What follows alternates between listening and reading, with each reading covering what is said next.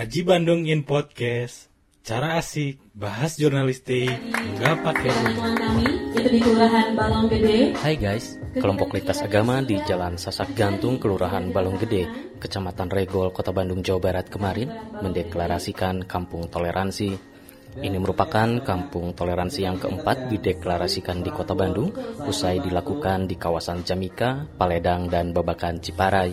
Menurut perwakilan dari kelompok Muslim, Lukman Hakim, Tujuan deklarasi kampung toleransi tersebut guna menunjukkan perbedaan beragama dan berkeyakinan, berguna untuk saling membantu dalam pembangunan bangsa dan menciptakan kedamaian.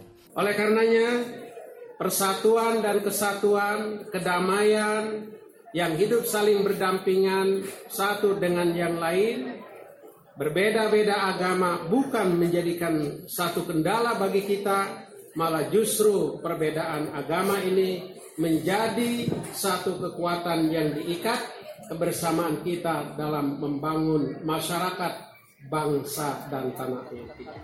Sementara itu, perwakilan dari kelompok Kristiani, Felix Andrew, berharap dengan adanya deklarasi kampung toleransi di daerahnya dapat tercipta kondisi kerukunan antar umat beragama dan berkeyakinan secara utuh.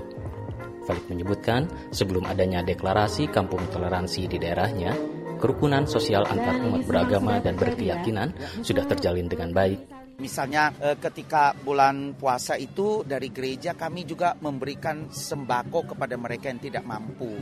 Kami berbagi kepada mereka gitu ya. Kira-kira begitu.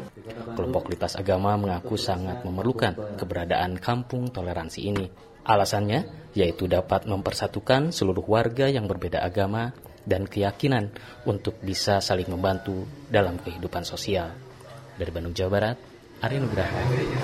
Terus simak Haji in Podcast biar melek soal jurnalistik. Saling membantu satu sama lain.